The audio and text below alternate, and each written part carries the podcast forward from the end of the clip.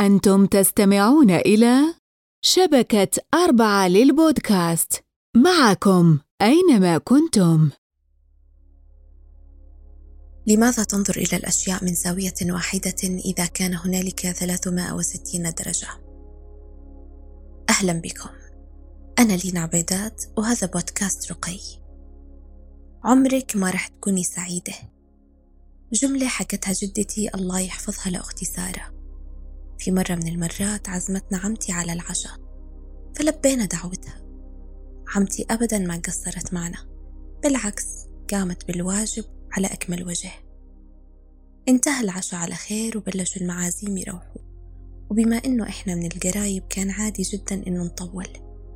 كنت أنا وأختي سارة قاعدين مع جدتي الحنونة اللي ما حد يقدر يمل من جلستها ومن حكاياتها. نحكي في مواضيع مختلفة فإجت واحدة من بنات عمتي تضيفنا الشاي. لاحظت سارة أنه وجهها عابس وما إلها خلق.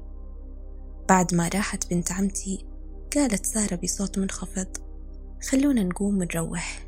شكلهم زهقوا منا فسألتها جدتي إنه شو شافت منهم.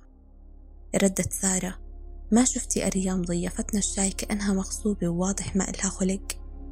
ابتسمت جدتي الحنونة وقالت إلها يا بنتي طول ما أنت تركزي بهاي الأمور ما رح تقدري شي في حياتك.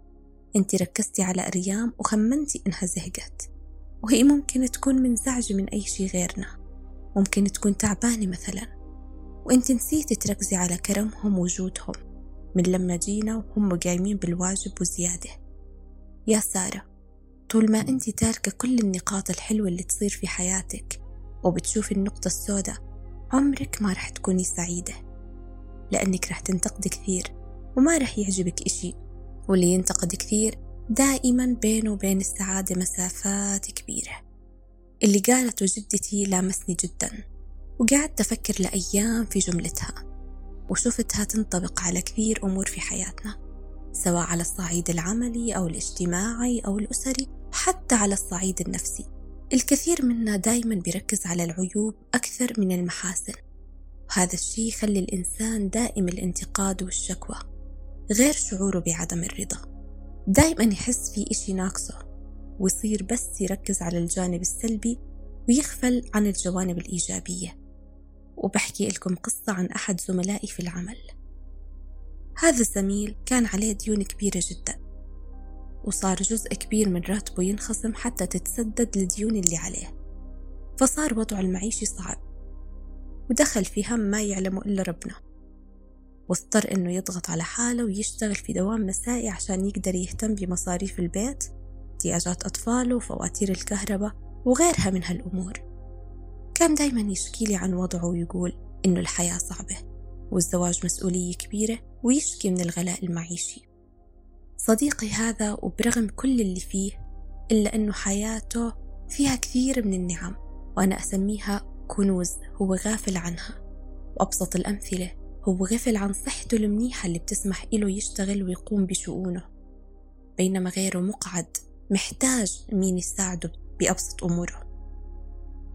غفل زميلي عن الأمن اللي عايش فيه وغيره يتصبح على القذائف ويتمسى عليها. غفل عن نعمة التنفس والطعام والشراب والبيت. وكثير نعم لا تعد ولا تحصى. ما نختلف إنه وضعه صعب وطبيعي أي شخص في مكانه يحس بالزخم الهائل من المشاعر السلبية ويدخل في هم وحزن وتوتر. لكن هالهم والحزن والشكوى وعدم الرضا دوامة ما إلها آخر هي مثل البحر. كل ما غصت فيها أكثر رح تغرق فيها. لازم تعرف إنه كل إشي بتمر فيه بالحياة هو إما عطاء يستحق منك الشكر أو تجارب بتعلمك وبتسقل من شخصيتك وبتزيد من قدراتك ووعيك وخبرتك في هاي الحياة وفيك برضو تستفيد منها ولكن في حالة واحدة إذا قررت تتعامل مع هاي المواقف من خلال هذا المنظور. ما في أحد فينا كامل وطبيعي مرات نحس بعدم رضا في جانب معين من جوانب حياتنا أو نحس بنقص في حياتنا أو نركز على عيوب اللي حوالينا وننتقد تصرفاتهم. لكن تعتبر هاي كلها فرص. لأن بنسعى لنغير من أنفسنا ومن تفكيرنا ومن نظرتنا للأمور من حولنا ونحسن من جودة حياتنا. لكن في طور سعينا للتغيير لازم ما نغفل عن يلي عندنا من حاجات جميلة. ولا ننسى نستمتع بنصف كوب الشاي. لحتى لما يجينا الكوب المليان نقدر نحس بلذته ونستمتع فيه أكثر. لأنه اللي ما بيعرف يستمتع بالقليل ما رح يعرف يستمتع بالكثير. يقول باولو كويلو شيئان يحرماننا من السعادة العيش في الماضي ومراقبة الآخرين. شاركنا عزيزي المستمع إيش الأشياء اللي ممكن تحرم الإنسان من السعادة. كنت معاك أنا لينا عبيدات. هذه الحلقة من إعداد نور حمزة هندسة صوتية وإخراج أحمد ماهر. ولو عندك أي مقترحات أو موضوعات حابب تناقشنا فيها عزيزي المستمع تقدر تشاركنا إياها من خلال البريد الإلكتروني الموجود في الوصف. ولا تنسى تشارك الحلقة مع من تحب. شكرا لوقتك الذي لا يقدر بثمن. نراك على خير.